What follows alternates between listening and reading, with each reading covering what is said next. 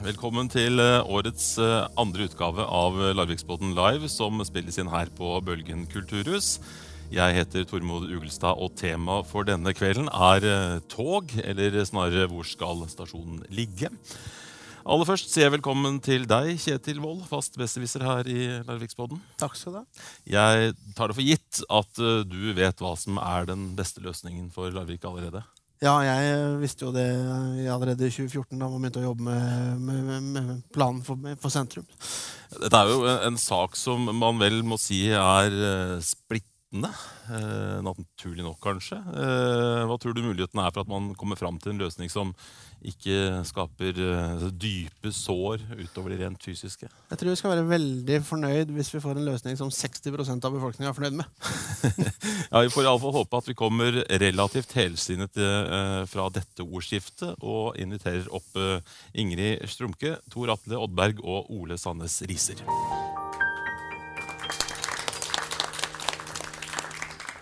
Jeg begynner med deg, eh, Ingrid. Du er eh, forfatter, engasjert i lokalpolitikken for eh, Venstre. Og etter hva jeg kan forstå, så er du også en av dem som mener at jernbanestasjonen ikke bør ligge i sentrum i det hele tatt. Ja. Der har du nok rett. Tor Atle, du er sivilingeniør innen areal- og transportplanlegging og er rådgiver i selskapet Cityplan. I februar for eh, fem år siden nå så sa du i et eh, frokostmøte i Næringsforeningen ifølge ØP, at det er viktig at Larvik tar grep og ikke overlater beslutningene til Jernbaneverket, eller Bane Nor som det heter nå. da. Eh, helt kort, har Larvik tatt grep? Ja, jeg syns jo det. De har jobba med kunnskapsgrunnlaget, i hvert fall. Og det er bra. Ole, du er eh, arealplanlegger i eh, Ringerike kommune. Men du kommer jo fra Larvik, eller havna, som du påpekte. Og, og, har også vært relativt aktiv i debatten eh, kan vel si, om Larviks utvikling i, sentrum, bl.a. Du har sagt at intercity er en gyllen mulighet for Larvik, nå som du er vei, på vei tilbake til Larvik som arealplanlegger også her. Har, er du optimistisk? Ja, det er jeg absolutt. Jeg ser på dette som en skikkelig gavepakke til Larvik kommune og Larvik by. Så jeg er veldig optimistisk på framtidas vegne. Om to uker så går jo høringsfristen ut for det som heter kommunedelplan med konsekvensutredning for nytt dobbeltspor for jernbanen på strekningen Stokke-Larvik. Uh, Ole, du som er arealplanlegger, hva er egentlig en kommunedelplan? Ja, det er rett og slett en plan for deler av kommunen. Og, og det, okay, ja, og litt, For å si det litt mer i detalj, da, så er jo dette her da en, en, plan for de deler av kommunen som på en måte berøres av eh, den her intercity nye sporet. da. Ja. Så for Larviks del så blir det en plan som er for det området som stasjonen ligger på, og langs med traseen. Og det er en sånn ganske overordna plan eh, som da man ikke kan bygge rett på. Altså Når kommunedelplanen er ferdig, så da avklarer man liksom arealformål. hva er det arealet egentlig skal brukes til. Mm -hmm. Men ikke nøyaktig plassering av jernbanespor, nøyaktig plassering av stasjonsbygging osv. Det gjør man da i reguleringsplan, som kommer seinere i prosessen. Ok, Så det, det, man skal bestemme nå, er liksom, sånn røftlig hvilket område jernbanen ja. skal uh, gå? Det er de store linjene, rett og slett. De, de store overordnede avklaringene. Og nå er det da dette ute på, ut på høring, og, og fristen er 15 mars. Er det noen av dere som planlegger å komme med noen uttalelse, eller har gjort det allerede? Hva med deg, Tor Atle? Nei, Vi har bistått Næringsforeningen litt med en del uh, gjennomgang i forhold til næringsinteresser. Så det, er, uh, det syns vi er viktig. Kjetil, skal du uttale deg? Mm, jeg uttaler meg overalt hele tida. Sender ikke inn noe eget? Nei, jeg, jeg tror ikke jeg gidder det. Hva med deg, Ingrid? Ja, jeg har jo gjort som jeg oppfordrer alle til å gjøre. Sende inn min mening til kommunen. For det er den eneste måten vi har å virkelig få bli hardt nå. Akkurat mm. nå. Ja, men hva tror du, altså, Hvilken mulighet har vi da, som vanlige borgere av Larvik å, å påvirke den avgjørelsen? Altså, det er vel ikke Jeg tror vel ikke høringsinnspill eh, er altså, det er jo ikke et demokratisk virkemiddel, sånn som det ofte ja. blir brukt som. Sånn hvis man ikke har noe saklig å komme med, man, hvis man bare har en mening om hvor man syns at den skal ligge, så tror jeg ikke det har så mye for seg å sende inn. Nei. Eh, men hvis man har en saklig begrunnelse, så er det jo det kommunen er ute etter å få inn. Men sånn, det er jo ikke en avstemning. Nei, hva slags saklige begrunnelser er det man kan komme med da? Jeg, jeg, tenker i hvert fall Det er viktig å engasjere seg og skaffe seg kunnskap. Ja. Og så er det viktig å engasjere seg og gjerne skrive i avisa og være med på sosiale medier og diskutere ulike synspunkter, eh, men da med en god basis. Derfor er disse åpne møtene og informasjonsmøtene og sånn ganske viktige da, å, å benytte seg av hvis man skal delta i debatten. Er det viktig at alle får sagt sin mening? Absolutt. Ja hvis man har en mening eh, ja. og mener at man kan argumentere godt for den, så er det veldig viktig at man Hvis man bare har en mening, ikke kan argumentere så godt for den, da? da har man kanskje Da vet jeg ikke hvor dypt den meninga sitter, hvis man ikke kan argumentere for den. Eh, det, men det, det, er i så fall, altså Hvis man har en mening og ikke kan argumentere for den, så er det jo da eh, vi som jobber i kommunen, og jobber jo ikke jeg i Larvik enda, men jeg kommer til å gjøre det. Og, ja. og når vi skal vurdere innspill, så er det jo vanskelig for oss å vurdere det innspillet hvis ikke det er en argumentasjon bak. Da, da er det veldig lett for oss å si at det, okay, det, dette innspillet er, kan vi egentlig ikke forholde oss til. For det er jo bare en, en sånn synsing som har blitt slengt ut. Mm. Jeg ser det er, det er jo flere som har uh, tatt til orde for folkeavstemning uh, om plasseringa. Og jeg har merka meg at uh, du, Kjetil, har vært ganske kritisk til, til det. Ja. Hvorfor det? Fordi at det er veldig stor for demografisk forskyvning i, ved, ved, valg. Eh, og hvis man skal gjøre det her i forbindelse med, med kommunevalget, så er det den er fra den minste gruppa, så, altså unge menn, der stemmer ca. 35 Mens eh, godt voksne menn, der stemmer nærmere 80 mm. Så det du får eh, hvis du har eh, folkeavstemning om det her, det er meninga du får vite hva veldig godt, eller hva godt voksne mannfolk syns. Men det vet vi strengt tatt allerede fra leserinnlegget av Utenlandsposten. Eh, det vi trenger å vite, er jo hva unge mennesker eh, mener om det her. Eh, og da, med en sånn underrepresentasjon mm -hmm. så, så, vil jo de drukne i det. Og da, hvis man trenger mer eh, kunnskap om hva innbyggerne mener, så, bedre, så, vil det være bedre med, for, med en uh, spørreundersøkelse. For da kan man finne et representativt utvalg Eh, så hvis det er det man er ute etter kunnskap ja. Men, dere, dere, unge, da, Ole. Du er yngste her på scenen i dag. Er jeg også yngste i salen? Nei, jeg tror ikke det. Hva tenker du? Nei, altså, Jeg er helt enig i det Kjetil sier. Eh, fordi Ved en sånn folkeavstemning så vil ikke det utvalget som kommer av den, nødvendigvis være representativt for den gruppa som faktisk skal bruke den banen her, som kommer om 12-14-15 år. Eh, det er jo de unge som skal faktisk ha glede av den. Eh, og så mener jeg at en vanlig planprosess hvor vi legger opp til god medvirkning eh, med, med altså fokusgrupper, i tillegg til den høringsrunden, er en veldig god løsning for å få lodda stemninga. fordi en sånn vanlig plan, planprosess så er det jo både medvirkning altså med, med publikum og ulike grupper. Det er de faglige vurderingene som da vi i administrasjonen står for. Og så er det de politiske eh, behandlingene hvor, også, hvor, politikerne også har anledning til å endre på vedtakspunkter. Og, så mm. der har du på en måte både de der meningene til folket, du har de faglige vurderingene til, eh, til fagfolka i administrasjonen, og du har det politiske perspektivet. Og Derfor så er en vanlig planprosess bedre enn en, en folkeavstemning. fordi det gir den, der, det gir den, den avveininga mellom ulike perspektiver som man trenger, i en så, særlig i en så kompleks sak det, her, er veldig sjelden at man, man tar, eh, driver med sånn folkeavstemningsbasert saksbehandling i plansaker. Mm. Det ville nok gitt litt uheldig utfall. Eh, ja. Hva tenker du, Ingrid? Um, du har, du har prinsipielt helt rett. Det, det som bare er veldig betenkelig, syns jeg, det er at uh, politikere ofte forventer at den gjengse mannen skal vite nøyaktig hvordan vokabulæret og prosedyrene er i en sånn sak. Og når jeg som vanlig menneske hører at det her skal utredes, så tenker jeg hurra, nå skal de finne ut hvordan det skal gjøres, hvor det skal ligges. Der kan jeg se bilder, og da får jeg et mye bedre inntrykk. Og så kan jeg bestemme meg det er bra, eller det er bra. Det som er realiteten, det er jo at da har politikerne dessverre allerede gjort seg opp sin mening og kan si for seint. Og det er litt trist. Og hvis i en så viktig sak plutselig menneskene skjønner at det var det her det gjaldt, og da kommer med innbyggerinitiativ og si at vi fikk det ikke med oss fordi at dere politikere var dessverre ikke flinke nok å informere oss og fortelle oss at det er det som er ment. Og så kommer det innbyggerinitiativet med stort engasjement. Dere vet, rundt jul.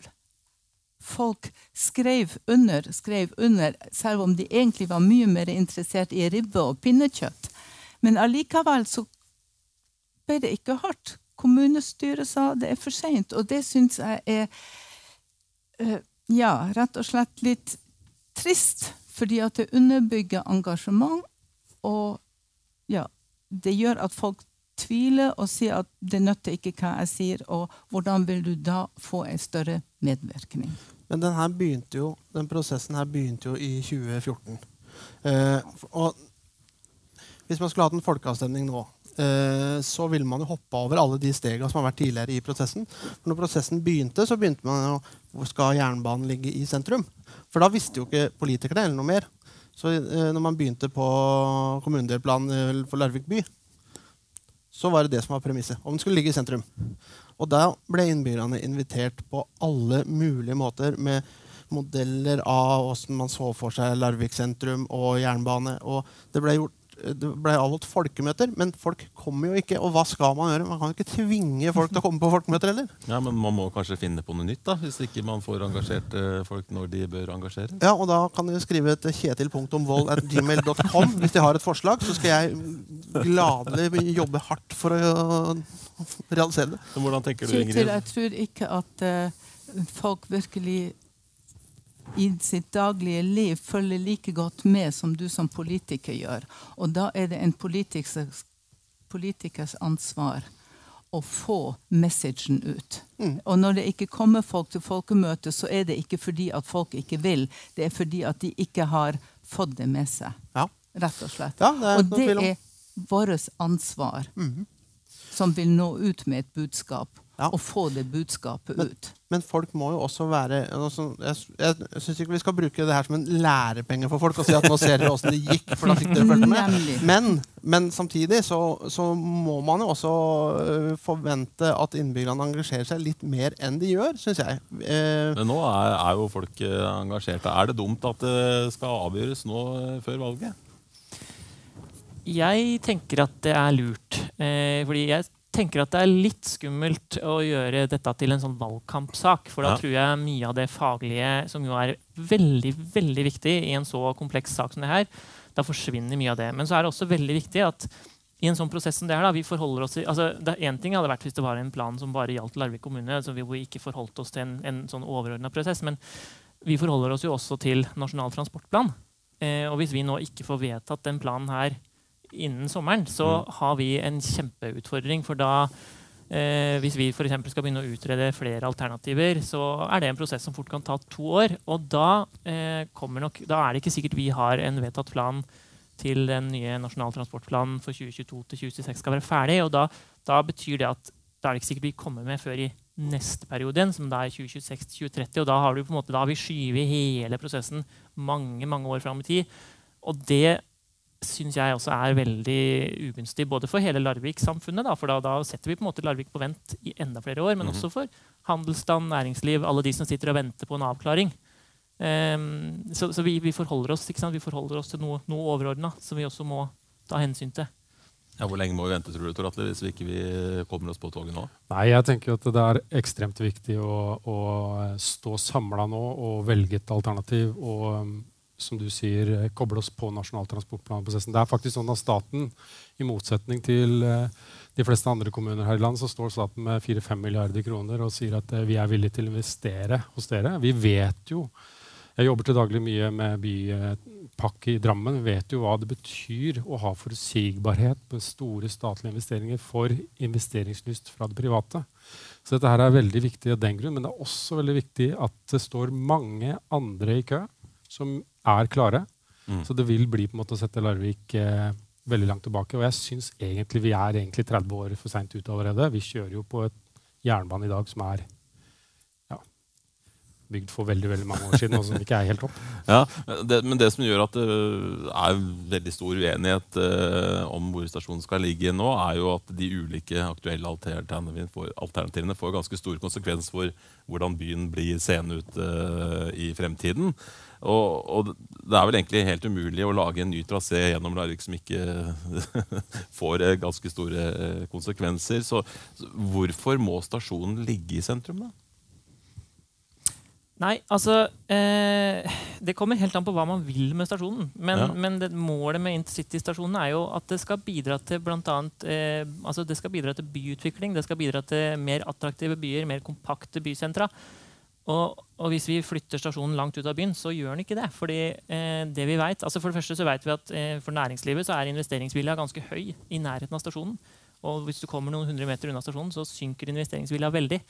Så det betyr at Hvis vi da legger stasjonen utafor byen, så får vi en slags sånn satellittutvikling som bidrar til å trekke ressurser, trekke folk, trekke arbeidsplasser ut av sentrum.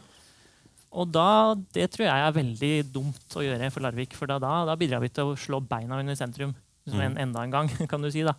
Um, og så er det jo det at uh, vi veit at og det er gjort undersøkelser på, uh, reisevanene hos folk som pendler med toget, som jo er den største passasjergruppa, og det er sånn at det store flertallet, også i Larvik og alle de andre intercitybyene, de, det store flertallet av togpendlerne de bor ganske nærme togstasjonen. Bare snakk om noen kilometer unna. Maks. Par, par kilometer ja, for de andre har vel kanskje litt for lang vei, da? Ja, de, det er ikke like attraktivt å bruke toget. Sånn at Hvis man da flytter stasjonen ut av byen, så flytter man egentlig stasjonen lengst lenger vekk fra det store flertallet av de som bruker det. Ja. Og da taper jo toget konkurransekraft. Og da har vi på en måte, da har vi bidratt til dårligere byutvikling og å gjøre toget mindre konkurransedyktig. Og da har vi på en måte gjort stikk motsatt av det som var hele intensjonen med, med intercity-utbygginga. Mm. Ingrid, i, i, Venstre så har dere jo tatt til orde for bl.a. Eh, Bommestad. Eh, hvorfor det? Mm, ja, jeg tok Bommestad, for da hadde jeg enda ikke hørt om det her med Elveveien som kom ja. ut nå i det siste, som også etter mitt skjønn er et veldig interessant alternativ. Men uh, når du nå spør meg sånn, så kommer jeg egentlig fra en helt annen vinkling. Uh -huh. Jeg syns at du sa det så fint. Uh, vi er 30 år for seint. Vi er minst 30 år for seint. For meg er jernbanen ikke fremtidens transportmiddel i det hele tatt. Og særlig ikke i lille Norge, der det allerede er vanskelig å få fylt opp et tog med de få menneskene på de store avstandene. Uh, Norge har mye mer behov for individualtransport enn uh, en toget kan gå alle plasser. Um, for meg ligger fremtida i helt andre transportmidler. Og når vi bare tenker 15 år tilbake, og vi skal jo starte togutbygging om 15 år, så bare tenk 15 år tilbake. Hvem hadde hørt om hyperloop? Hvem hadde hørt om autonome biler? Hvem hadde hørt om fly eller båter som gikk på strøm? Vi har jo ingen av de tingene ennå heller. Altså, i Europa så testes ut hyperloop mellom Vienna og Bratislava, mellom Köln og Berlin. I California går det en hyperloop. I München flyr det lufttaxi nå i testforsøk som er eldrevet, har en rekkevidde på 300 km og plass til fire folk utviklinga har gått så fort.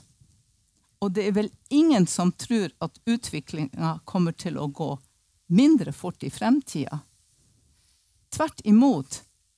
Det kalles for social lack. Vi klarer nesten ikke å følge etter hvor fort den teknologiske utviklingen går. Så jeg personlig hadde senka skuldrene. Og før jeg raserte en by og måtte flytte 200 mennesker uten å kunne gi dem et alternativ hvor de skal bygge. Og sette et næringsliv i en situasjon med seks års byggefase, så hadde jeg prøvd å finne ut er det ikke bedre å flytte det litt ut av byen. Det har jeg i alle fall ikke ødelagt noe. Verken gamle bygninger eller en fantastisk havutsikt. Og hvis jeg da ikke har bruk for denne jernbanestasjonen om 30 år, så kan jeg bruke den til noe annet. Eller det gjør ingenting om jeg river den. Men det er jo som du sier at uh, Norge er ganske smått, og byene i Norge er veldig små i forhold til de resten av Europa. Så det betyr jo også at vi kommer nok ikke til å få noe hyperloop mellom Larvik og Sandefjord sånn, uh, med det første. For det er ikke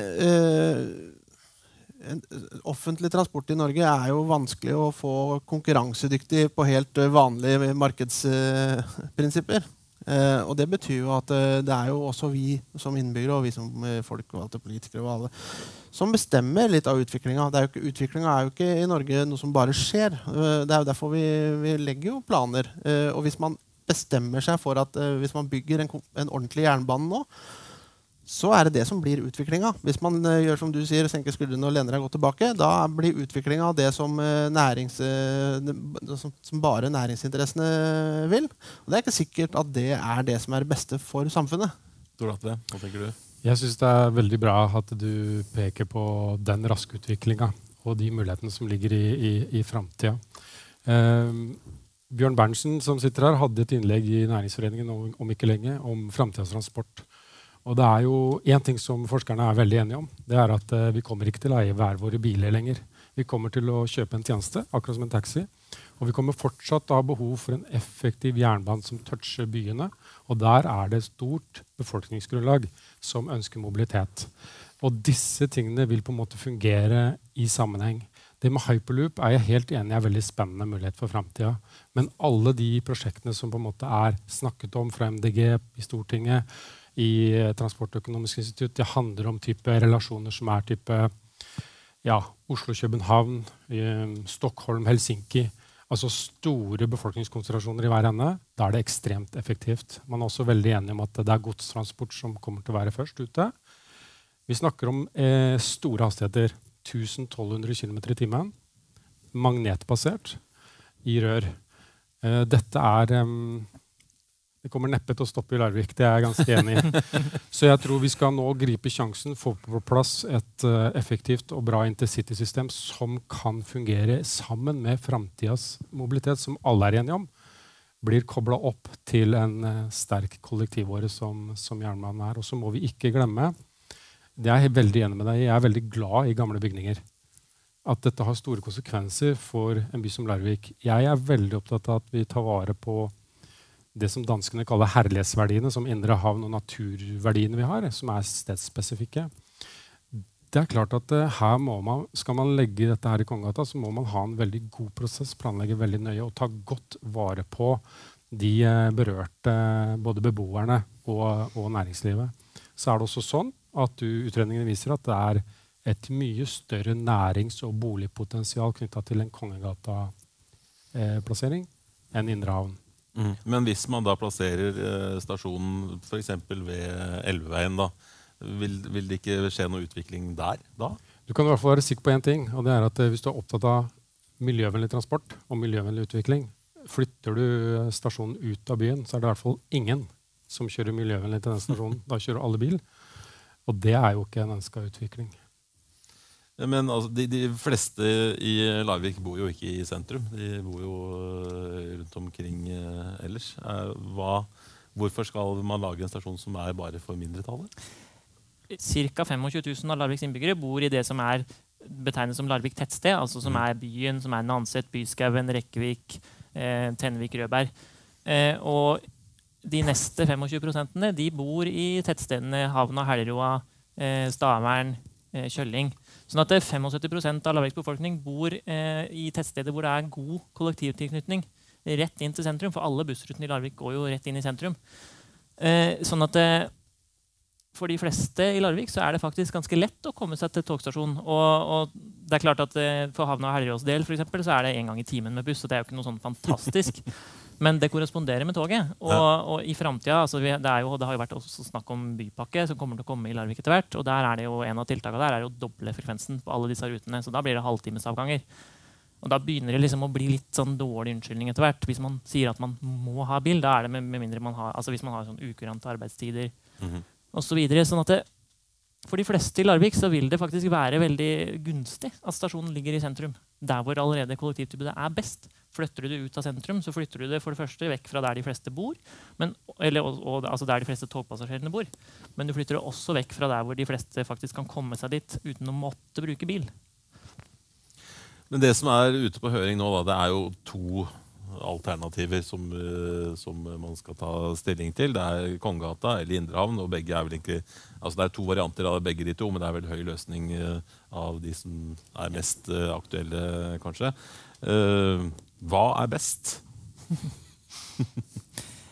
Nei, altså det er vel sånn at i hvert fall rådmannens innstilling, og det kan jeg vel støtte opp om rent personlig òg, at det er, det er Kongegata.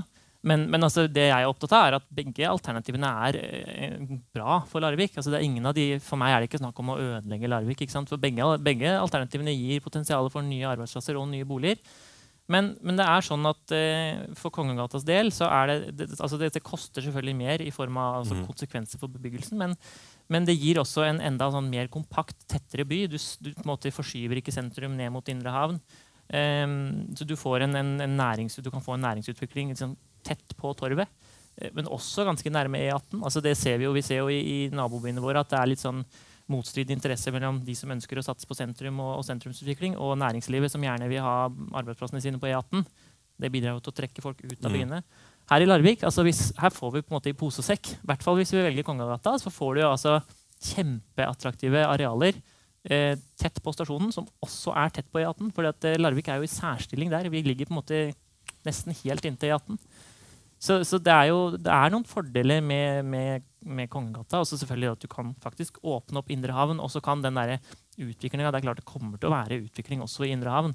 Men den kan komme litt mer gradvis og litt mer på kommunens premisser, og ikke så mye på Bane Nors premisser. da. For de kommer jo til å forvente stor fortetting, store bygg, kontorarbeidsplasser osv. I, i Indre Havn. Og da blir det mye mer som barriere. Ingrid, kan du velge hva som er minst stille? Av de to alternativene? Altså, jeg, jeg, forstår ikke hvordan man kan si at det der er, en så god løsning å gjøre der i Kongegata, så lenge eh, kommunen ikke kan si til de menneskene som blir berørt når vi tar husene deres, så får dere adekvat bolig der. Eh, når vi hører at man er bekymra for Farriskilden, man er bekymra for Bøkeskogen, jeg, forstår, jeg, forstår, ikke hvordan man kan si at det der er det beste alternativet. Og når jeg hører at Indre Havn kan bli bygd ut så kjempeflott, og man kan lage kano og alt mulig der Kjære vene, hadde du lyst til å kjøre kano eller ligge og sole der når det går et tog hvert 20. minutt over ørene dine. ja, men, men kan du, kan du, har du ikke noe du kan Nei, jeg eh, har ikke noe godt å si begge, om det. Begge deler er like ille? ja, for meg er, altså Jeg kan veldig godt forstå de som gikk ut og sa det er enten pest eller kolera. Jeg kan veldig godt forstå det uten at jeg selv hadde villet valgt de ordene. Og derfor mener jeg når, eh, når det er så store bekymringsmeldinger, så burde man se om det ikke er mulig å utrede et tredje alternativ. Og skulle det da vise seg at det tredje alternativet det funker ikke, ok, da har man i alle fall gjort det. Og da får du også aksept i befolkninga for et av de to. Jeg, tror, jeg har veldig stor respekt for at, eh, at eh, man ser på Kongegata som utfordrende, men jeg tror det er viktig å ta inn over seg at helt siden 2007 så har man altså utreda fra 16 alternativer til to det er ikke sånn at man ikke har sett på andre alternativer. Snarere tvert imot. Og det er viktig hvis man kommer inn seint i prosessen, som politiker særlig, å ha respekt for den prosessen og det kunnskapsgrunnlaget som ligger der fra før. Det tror jeg er, gans, det er viktig. Og, og, nå er det for Larvik sin del ekstremt viktig å få tatt en avgjørelse. Hvis ikke så mister vi de mulighetene som ligger her nå. Det er som jeg sa i sted, det er 5 milliarder statlige midler som man er interessert i å investere i Larvik. Det er ingen selvfølge. Eh, altså, eh, som sagt så er det jo sånn at Rådmannen foreløpig vurderer at Kongegata er det beste alternativet. Mm. Men eh, nå vil jo selvfølgelig høringsinnspilla altså det, det, vil jo kunne komme fram momenter som gjør at, uh, at, vi vil tenke annerledes, og at det kanskje viser seg at det ikke er Kongegata som er det beste alternativet. Eh, og selvfølgelig nei, utfordringer med Farris, drikkevannskilde, Bøkeskogen. Det er jo eh, altså Bane Nor har jo tung geoteknisk kompetanse som, og hydrologisk kompetanse som, som, kommer til å følge hele prosessen, og som også har utreda underveis. sånn at det, det, skal ivaretas. Altså Man skal sørge for at ikke måte, det blir slutt på Farriskilden, og at Bøkeskogen plutselig står i tørr grunn og blir, tørker helt ut. Eh, og så er det jo riktig som du sier, at, at eh, det har vært Det har ikke vært sånn veldig dyptgående utredninger på alle andre alternativer, men de har vært utreda tilstrekkelig til at Bane Nor har sett at hva, dette er så vanskelig å gjennomføre at dette kan vi ikke gå videre med. Og jeg frykter jo at hvis man f.eks. skulle sette i gang med eh, å instruere Bane Nor om å utrede mm, f.eks. Bergeløkka, som de har sett på ganske grundig og med tilleggsutredninger allerede, så kan man risikere at de sier at eh, dette har vi ikke lyst til å utrede. Og da for Bane Nor er jo en sånn overordna myndighet, så de kan ha innsigelse til mm. måte, våre vedtak. og det betyr at Hvis de har innsigelse, så kan hele beslutninga gå til departementet. Og da kan Samferdselsdepartementet si enten så kan de gi på en måte Bane NOR medhold, eller så kan de selvfølgelig gi kommunen medhold. Men det er litt, det er, jeg tror det er litt skummelt å på en måte overlate den beslutninga til departementet. Da havner vi på sidelinja. skjer litt sånn som skjedde i Tønsberg. At eh, Tønsberg kommune ble jo liggende på sidelinja og vente, for de ble ikke enige med Bane NOR om hvilke korridorer som skulle utredes. Og da kom Larvik og Sandefjord før Tønsberg, så vi havna foran dem i køen. Så de havna rett og slett litt lenger bak i køen. de fikk riktignok vilja si, men, men jeg vet ikke om Bane NOR hadde vært like optimistisk i Larvik, hvor de allerede har gjort såpass mye undersøkelser med Bergeløkka. Jeg kan si det I forhold til det vi har sett på sånn faglig, det er jo at uh, vi tror jo at det er veldig viktig å få til en løsning som selv om den har utfordringer og konsekvenser for sentrum, totalt sett bygger videre på det sentrum som man har, med både størst muligheter for bolig- og næringsutvikling framover, kombinasjon av nytt og gammelt, i tillegg til at man bevarer indre havn i størst mulig grad og kan ta seg tid til å vurdere hvordan man eh, skritt for skritt eh, tar vare på og utvikler det området.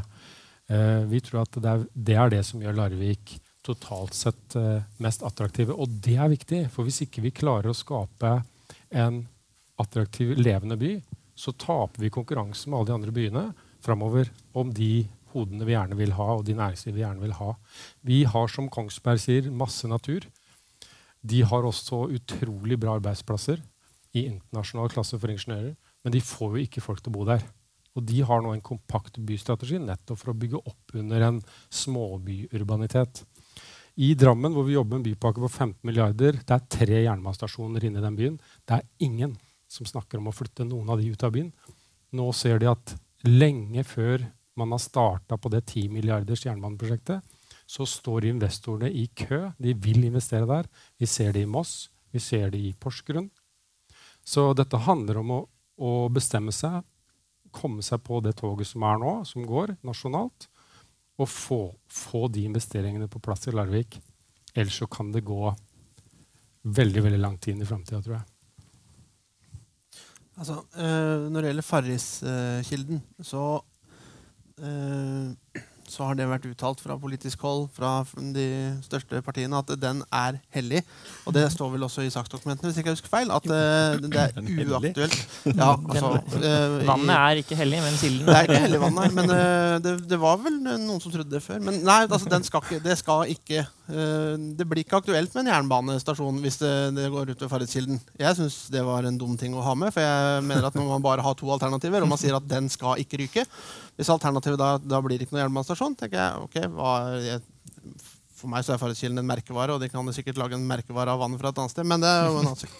Uh, men det, det, viktigste for, for jeg vil også svare på hva som er det beste alternativet. Ja, ja. Jeg eh, blåser egentlig i det. Eh, det blir en jernbanestasjon som blir på et av de stedene som man har bestemt nå. Så har vi i Larvik eh, har sett for oss i veldig mange år at det skal åpnes opp i Indre Havn, og vi har et bilde i huet vårt av åssen det kommer til å bli. Hvis det skulle bli sånn at det blir Indre Havn fordi at Farriskilden ble ødelagt hvis det blir Kongegata, så har ikke jeg noe problem med å vri hjernen min rundt det på en måte som gjør at da klarer vi helt sikkert å utvikle Larvik til noe bra med, selv med en jernbane i Indre Havn.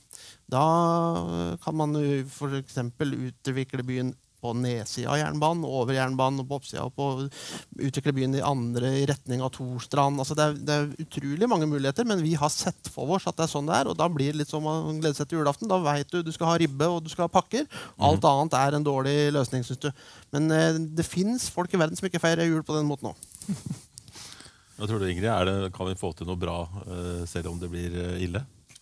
som, som, dere kanskje har fått med dere, så er jeg ikke norsk.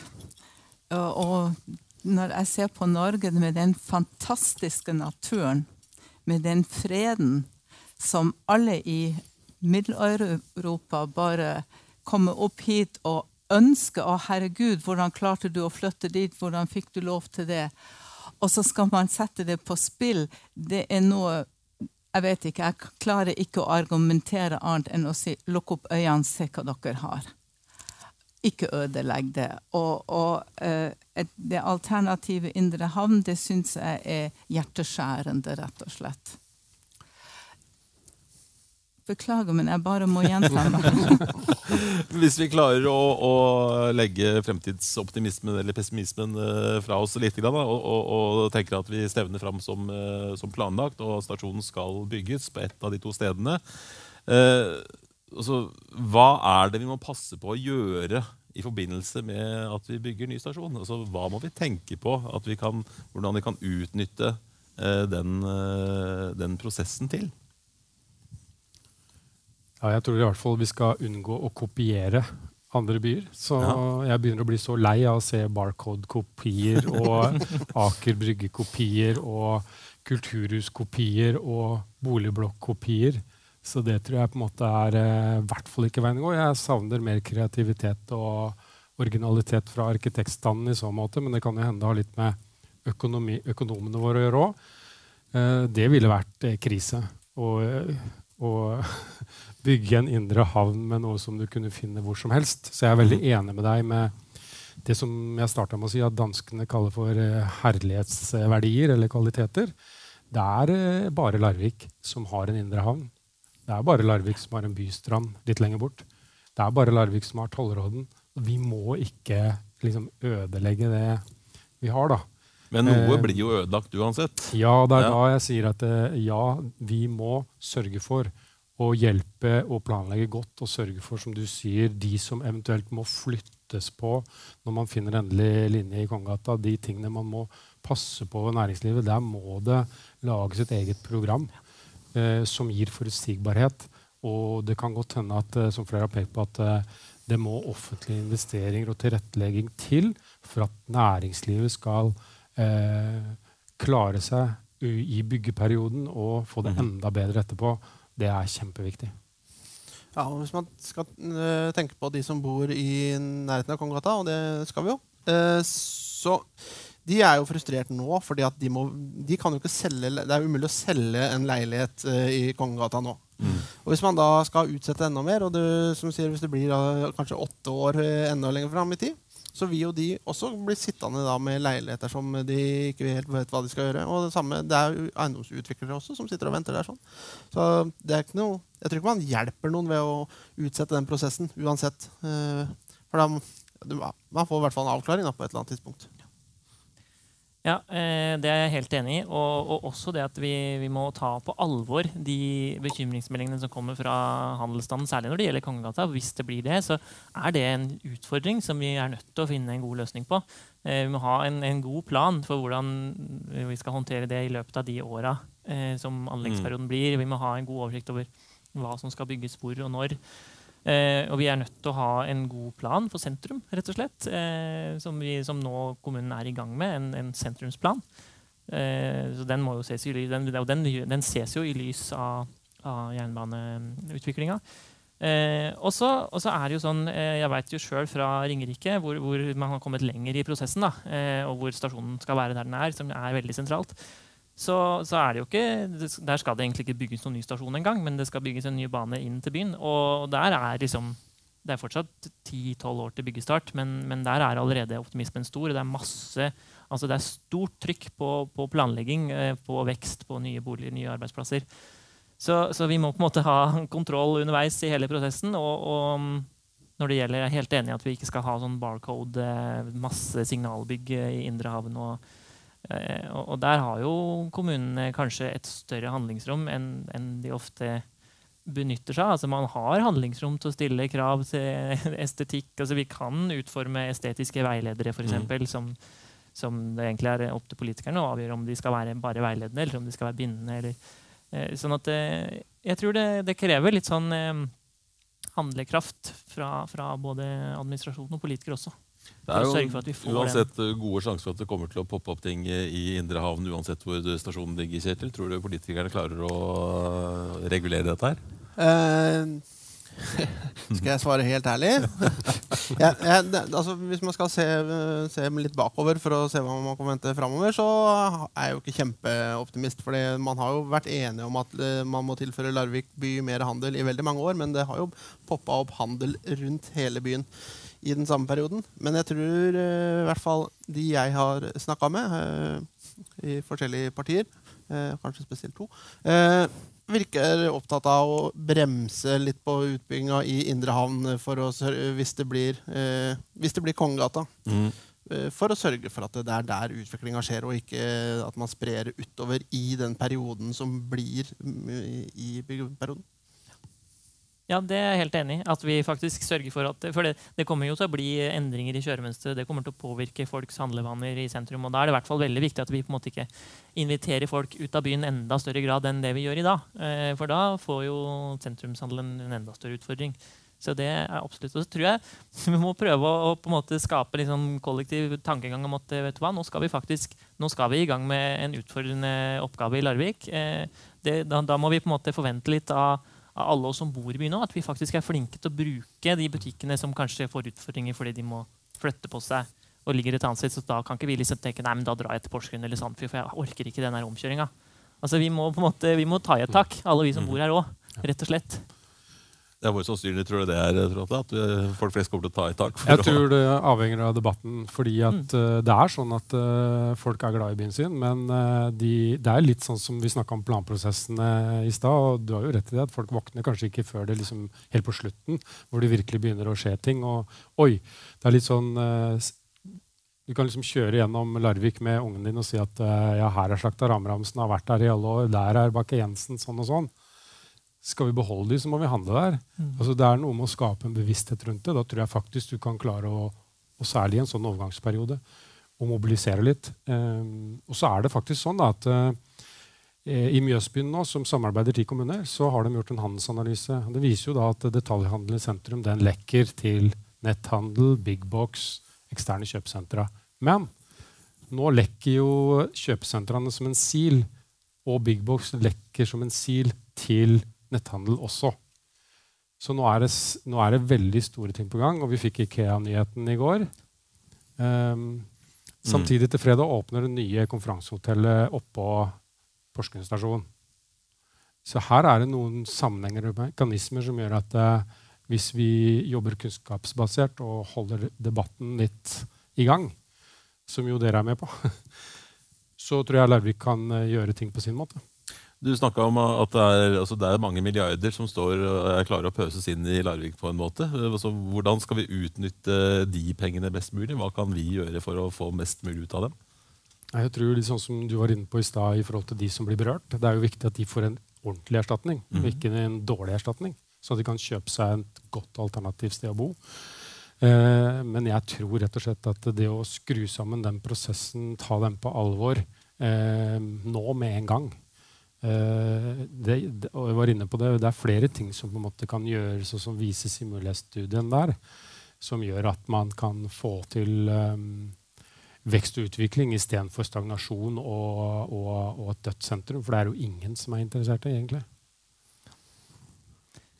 Så tror jeg også det er viktig at eh, politikerne våre i størst mulig grad klarer å samle seg bak et alternativ når alt kommer til alt. fordi det vil i hvert fall sende et ganske klart signal både til Bane NOR men også til departementet om at nå står Larvik samla om at dette alternativet ønsker vi. Og hvis det alternativet ikke sammenfaller med det Bane NOR ønsker seg, så er det i hvert fall, jeg tror at det er lettere å få det til når, når Bane NOR og departementet ser at dette er noe Larvik-samfunnet ønsker seg. Hvis det derimot er liksom to representanter mm. i overtall for den ene løsninga, så, så, kan det jo være litt sånn at de ser at ok, men her er det jo bare et veldig knapt flertall. Men det virker jo veldig en... lite sannsynlig nå at man kommer til å få et samla flertall for noe som helst. Ja, det, det, det, er jo vanskelig å se det for seg, men jeg håper at den er i prosessen fram til 1. juni i hvert fall, at man kan ja. uh, gjøre seg opp noen tanker om det. da, for det mm, jeg tror at jo større flertall, jo lettere er det at vi får den, den, det alternativet vi ønsker oss.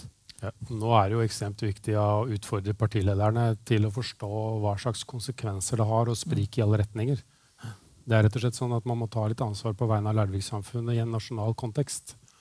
Og Det er en litt annen jobb enn å være enig eller uenig. Jeg har masse eksempler fra de fem kommunene som samarbeider rundt Drammen, hvor man i utgangspunktet er uenig, mens for å få gjennomslag nasjonalt så bestemmer man seg for at ok, hvis flertallet tross alt går i en retning, så får vi stille oss bak det. da etter å ha hatt en skikkelig debatt og, og vist hvor vi står. Fordi at Hvis ikke du klarer det, og forholder deg til de nasjonale myndigheter på den måten som du sier, så blir du overkjørt. Du blir plassert lengst bak i køen. Blir ikke prioritert. Jeg har sittet i Nasjonal transportplan sjøl den gangen det bare var 10 år og 500 milliarder. Nå er det jo 12 år og 1000 milliarder. Mm. Eh, det er de som har planene klare, og som er samla enige lokalt, det er de som blir prioritert. Kjetil? Ja, det, det, som er uh, Som, uh, som Riser var innom i stad Det er dumt å ha det her som en, uh, som en valgkampsak. sånn sett så er jo den det å ha det på det siste kommunestyremøtet før valget Eller ikke før valget, men før, før, sommerferien. Det er jo veldig dumt, for her Video kan det se ut som det er noen som eh, kommer til å ønske å utsette den saken her til etter valget. Og muligheten for det er jo til stede så lenge det bare er ett kommunestyremøte. Da er det jo mhm. ikke så mye formaliteter som skal skjære seg før man faktisk har utsatt det. Og hvis det blir utsatt, så blir det jo til ettervalget. Og da blir det her gjort til en valgkampsak. Men øh, det her øh, skal jeg si noe som jeg ikke hadde sagt for halvannet år siden. og det er at Da tror jeg det er viktig at hvert fall de to største partiene står samla om det her for å ha et størst mulig flertall. Ingrid? Men uh, du sa at det var viktig at folk var samla om alternativet som blir valgt. ikke sant? Og det er jo akkurat det som er problemet. Så lenge det diskuteres så mange forskjellige alternativ som ikke har blitt utreda, så er den faktisk ikke mulig. Jeg tror det er veldig viktig at det blir bevisst at verken Bommestad eller Elveveien er reelle muligheter. Kun da klarer du å samle befolkninga etter bakom et av de to alternativene som står der. Hvis det ikke skjer, så eh, kommer det til å skape splid, tror jeg. Du får ikke samla befolkninga. Det har jeg ikke inntrykk av. Når du ser hva som kommer opp i diverse uh, utredninger og lesebrev og innsigelser, og bøkebloggen popper opp noe hver dag, og det er funderte, fornuftige ting som blir sagt der, så tror jeg at folk ønsker virkelig å få bevise at det faktisk er de to eneste mulighetene. Og da hjelper det ikke å si at de to største partiene vil det, og dermed så er de bra. Nei, jeg sier ikke at ting er bra fordi at de to største partiene eh, er enige, men eh, det er nok lettere å dra med seg befolkninga også.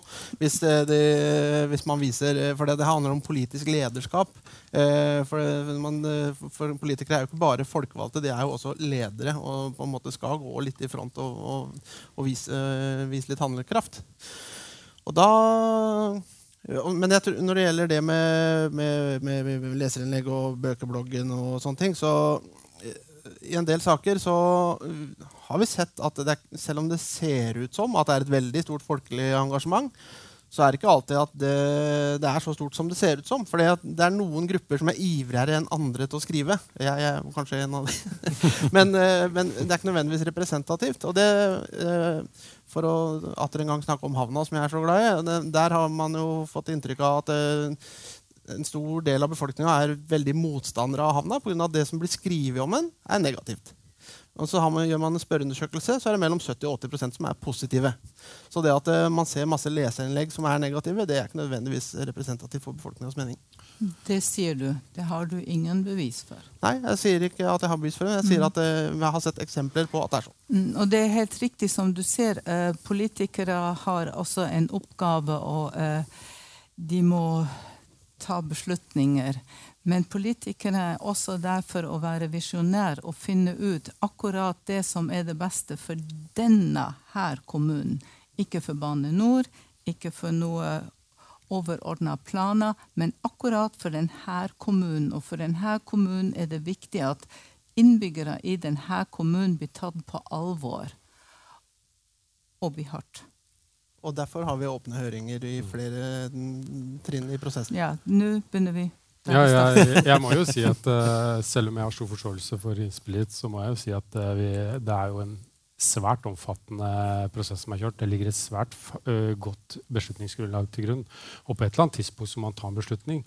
Og Larviks politikere, altså politisk lederskap, jeg er helt enig, det er det vi må ha her nå. Fordi det er, stort, det er også et valg å ikke ta et valg. Og det å ikke ta et valg nå, det har store konsekvenser også. Så, så nå, nå, har vi den fordelen at de politikerne som sitter her, de har tross alt vært med på denne prosessen. De har fått forelagt og fått seg informert eh, på en god måte. I motsetning til eh, et eventuelt nytt kommunestyre, litt avhengig av hvordan det blir sammensatt. Så jeg tror eh, Nå har vi vært inne på ganske mange grunner til at man må ta et lederskap og finne fram til en felles løsning. Jeg tror konsekvensene for Larvik eh, vil være å bli fullstendig nedprioritert i veldig veldig mange år. Det er, all erfaring tilsier det. Hvis man nå bare sier at nei, vi skal ha en ny utredning. Hvis det i det hele tatt blir utreda. For det her også koster mye penger. Mm -hmm. Og tid. Men øh, det er jo et sånt spøkelse som blir øh, dratt fram noen ganger, og det er jo en statlig planprosess. Eh, det, det, vet kanskje du nå. Hva er eh, Nei, Jeg tror det sitter langt inne med en statlig planprosess. Men det er klart at det, det er som Hva deres... er en statlig planprosess? Staten tar over planlegginga istedenfor ja. at det er kommunen som har ansvar for det. Jeg kan godt si noen få ord om det. fordi eh, Ringeriksbanen og E16, som da angår den kommunen jeg jobber i nå, det er en statlig plan. Mm -hmm. det betyr at vi som, Men det, en, en, altså det var Ringerike og Hole kommune som ba om en statlig plan. Mm -hmm. For det var så veldig, altså det er veldig sånn betent, da, fordi det går over en del sånne Ramsar-områder, sånn verne våtmarksområder, mange andre interesser. Og der fant vi ut at hva, hvis vi skal få til dette, vi to kommunene, så er vi nødt til å ha en statlig plan. Så da er det altså staten som, som planlegger banen, og så er kommunene hørings vi, vi, høres. Sånn at de lager planen, sender den til oss, og så kommer vi med høringsuttalelse. Mm. Så vi har jo, Det er jo ikke vi som styrer på en måte prosessen, vi kommer med høringsuttalelse, men de lager planen og kommer med forslag. Eh, og det er klart at Da har kommunen mye mindre handlingsrom. Men kan vi da be staten om å gjøre det, så kan vi ha en felles fiende? i hvert fall da? så får vi samla. altså, Påvirkningskrafta til kommunen blir jo da mye mindre. Ja. Det blir den jo. Men det er klart at for Ringerikes del så var det greit, fordi det var, ikke, det var på en måte ikke noe stor diskusjon om hvor stasjonen skulle ligge osv. Men, men ja, det, du gir fra deg en del styring da, når du, ja. når du, gjør det til en statlig plan. Du kan ikke bare knipse nå og så kalle det statlig planprosess. Det ville starte ting på nytt igjen. Okay. Det andre er jo at, uh, at eh, Larvik selv bør jo være med å påvirke og finne ut selv hva, hva slags uh, by og, og, område man vil være i framtida. Sånn uh, men det jeg tror, er at ved å ikke ta noe, noe, ordentlig valg, være veldig splitta nå, så, så en ting er at man blir nedprioritert, men jeg tror også man på en måte mister eh, påvirkningsmulighet. Og da blir det sånn, litt sånn indirekte at det er staten som både nedprioriterer og legger en løsning som de syns er grei. Hvis det er noen som har, lyst på litt påvirkningsmulighet eh, på denne samtalen, her, så er det mulig å komme med innspill eh, nå. Vi skal, vi skal nærme oss slutten. Det er en mikrofon ute i salen hvis det er noen som har har noe å eh, si til det vi har snakka om. Der var det en. Jeg heter Per. Jeg har bodd her siden 2006. Jeg jobba 23 år i NSB. Jobba med ja, en god del innom transport og arealplanlegging. Eh, de siste årene har jeg vært ganske passiv, men for eh, 12-13 år siden var det vel, så skrev jeg Nei, ikke så mye. 10 år siden eller sånn, så skrev jeg en, en kommentar i, i, Østlandsposten hvor jeg beskrev en, en ganske urealistisk visjon om et grønt Larvik. Jeg vil først og fremst si det at uh, jernbane er ikke gammeldags. Den linja som går her, er gammeldags. Den er bygd for 100 år siden. Eh, men den ligger her fortsatt, så det er god grunn til å tro at, at et tog som tar oss en halvtime raskere til Oslo enn privatbilen, eh, er fremtidsretta. Og jeg mener at det, det, aller viktigste det er å få denne hersens, det dobbeltsporet til Larvik. Eh, og det er riktig som det blir sagt, at Hvis man begynner å tøyse med prosessene, så går tida, og så, og så får eh, alle mulige som ikke har samme interesse som oss, mulighet til å, å undergrave det. Eh, og andre vil komme foran i køen osv. Det, her, eh, det her haster. Og derfor så, så, så, må man altså faktisk på ene sida spille på lag med de her mastodontene som bestemmer Bane Nor osv. Samtidig som det er veldig riktig det som Tor Atle sier, at uh, man, man, skal ikke ta dem for gitt. De, ønsker de enkleste løsningene for seg selv, de billigste løsningene for seg selv. Og, og de kan helt sikkert presses på en del løsninger som, uh, som kanskje ikke har de samme skadevirkningene osv. De, de bare øser på med å ta høyde for, eh, for, når de skal i gang eventuelt eh, med bygging. ikke sant? Så må man gjøre to ting. Man må passe på å, å, å, å stryke dem på ryggen. Eh, altså alle, alle, beslutningstakere. Og så må man altså ha et eget alternativ som man står fast ved. Eh, og, eh, og, og spille med Spill etter spillereglene, for å si det sånn. Du har vært inne på Buskerudbyen og forskjellige litt vågale, litt vågale prosjekter i Norge. Og hva skjer? Jo, når det står der, så er jo folk så stolt og fornøyd. Så eh, man har to muligheter. Ta sjansen på å gjøre noe litt dristig, og så vil, vil, vil de her eh, i kommentarfeltene snu og Kanskje ikke si det høyt, men tenk i sitt stille sinn at ja, shit, det her var jo ganske bra. Det tenkte ikke jeg på. ikke sant? Uh, uh, enten så har du den muligheten, eller at du legger en stasjon ut sammen med bilforhandlerne, eller et eller annet sånt, og så får du nye sånne brakkområder og bare tull og tøys. Stå på. Hva tror dere? Hvis vi får en stasjon uh, midt i sentrum, kommer folk til å bli stolte av den, selv om det, man har vært imot i forkant? Kjetil?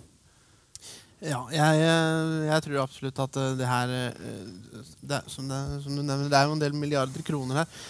Så det er ikke bare snakk om å, å, å legge en jernbanestasjon oppå byen og så er ferdig med det. Og det er jo derfor vi må ha en litt sånn eh, Det er derfor det er viktig at vi, det, vi må ta en avgjørelse, og alle, når den avgjørelsen er tatt, så må alle stå for den. For da må vi sammen sørge for at vi tar vare på de tinga som vi er veldig opptatt av. Så hvis det er sånn at man er alle er helt enige om at Felumgården bare for å ta et eksempel, mm. at den er veldig viktig, så klarer man å finne en løsning som sparer Felumgården. Men da må man prioritere. da, og det er ikke sikker på at man velger å prioritere akkurat Felumgården, men er, altså, man må prioritere noen ting som skal tas vare på. Og da må man jo på et eller annet tidspunkt bli, stå samla. Og mm. da tror jeg at man klarer å få noe som er så bra at folk etterpå vil si at ja, jeg er enig. Og det, tror jeg kanskje til og med du vil være enig om. Hvem vet? Kan, kan vi bli enige om uh, noe? Man, altså, det, hva tror du sjansen at man kan Du vet, Venstrefolk er egentlig veldig veldig demokratiske. og Bestandig uh, kan du overbevise oss om uh, at det der er virkelig den gode løsningen. Men vi er også kjent til å være sånn litt ettertenksomme og se andre vinklinger. Ikke sant? Det vet du alt om. Det vet jeg veldig mye om. Ja. Det var rett og slett alt vi hadde i Larviksboden denne gangen. Følg oss på Facebook. Finn Larviksboden i din podkastapp eller på larviksboden.no. Takk til ukens medvirkende Ingrid Strumke, Tor Atle Oddberg, Ole Sandnes Riser og Kjetil Wold. Tekniker her på Bølgen har vært Jan Cato Skjelbred. Ansvarlig for podkasten er Geir Atle Johnsen, og podkasten produseres av Virvel AS. Jeg heter Tormod Ugelstad.